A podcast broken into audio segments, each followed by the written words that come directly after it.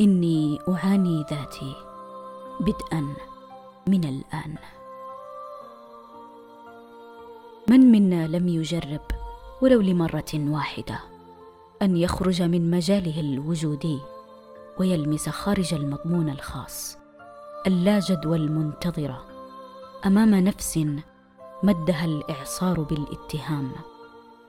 كلنا متهمون بعدم الانسحاب من ذواتنا وقت الحاجة لذلك. لأننا مقيدون جميعا بما يستعبد حريتنا المصنوعه من أجل الكون.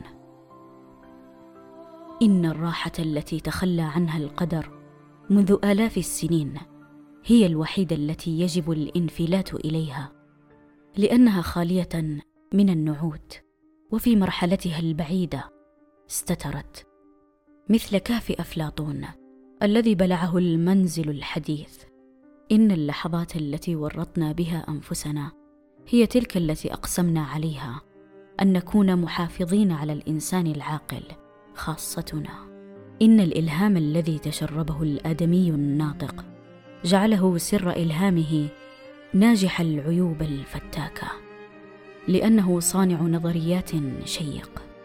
شجت كينونته إلى أشلاء لا تلملمها غير سخونة الحيرة.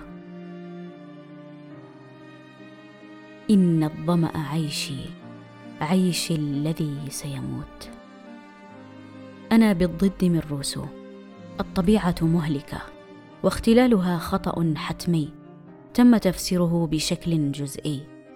هذا لأن المساعي العقلية لفرض سلطان الفكرة إنحاز للمعقول.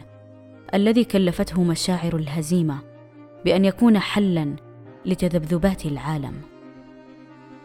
إني أنفصل عن حالي وعن الجميع وعن الطبيعة لأن التصور حرق الشجرة الكبرى الخضراء. إن فورية الفكرة تلغينا وتضعنا في شعارات ساذجة يقودها الضمير.